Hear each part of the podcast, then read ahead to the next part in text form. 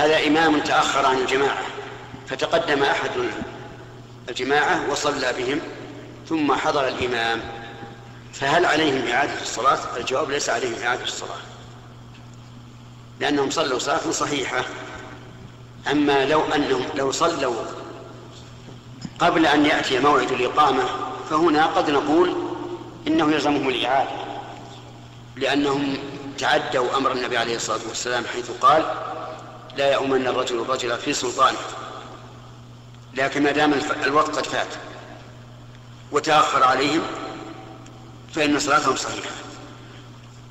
لكن في المستقبل إذا تأخر الإمام فالذي ينبغي أن يراجع. يذهب إليه في بيته ويقال احضر. كما كان الصحابة رضي الله عنهم إذا تأخر النبي عليه الصلاة والسلام جاءوا إلى بيته وقالوا الصلاة يا رسول الله. ثم يخرج ويصلي أما كونه إذا تأخر خمس دقائق عشر دقائق صلوا فهذا يحصل فيه فوضى والإمام الراتب له حق في إمامته في هذا المسجد.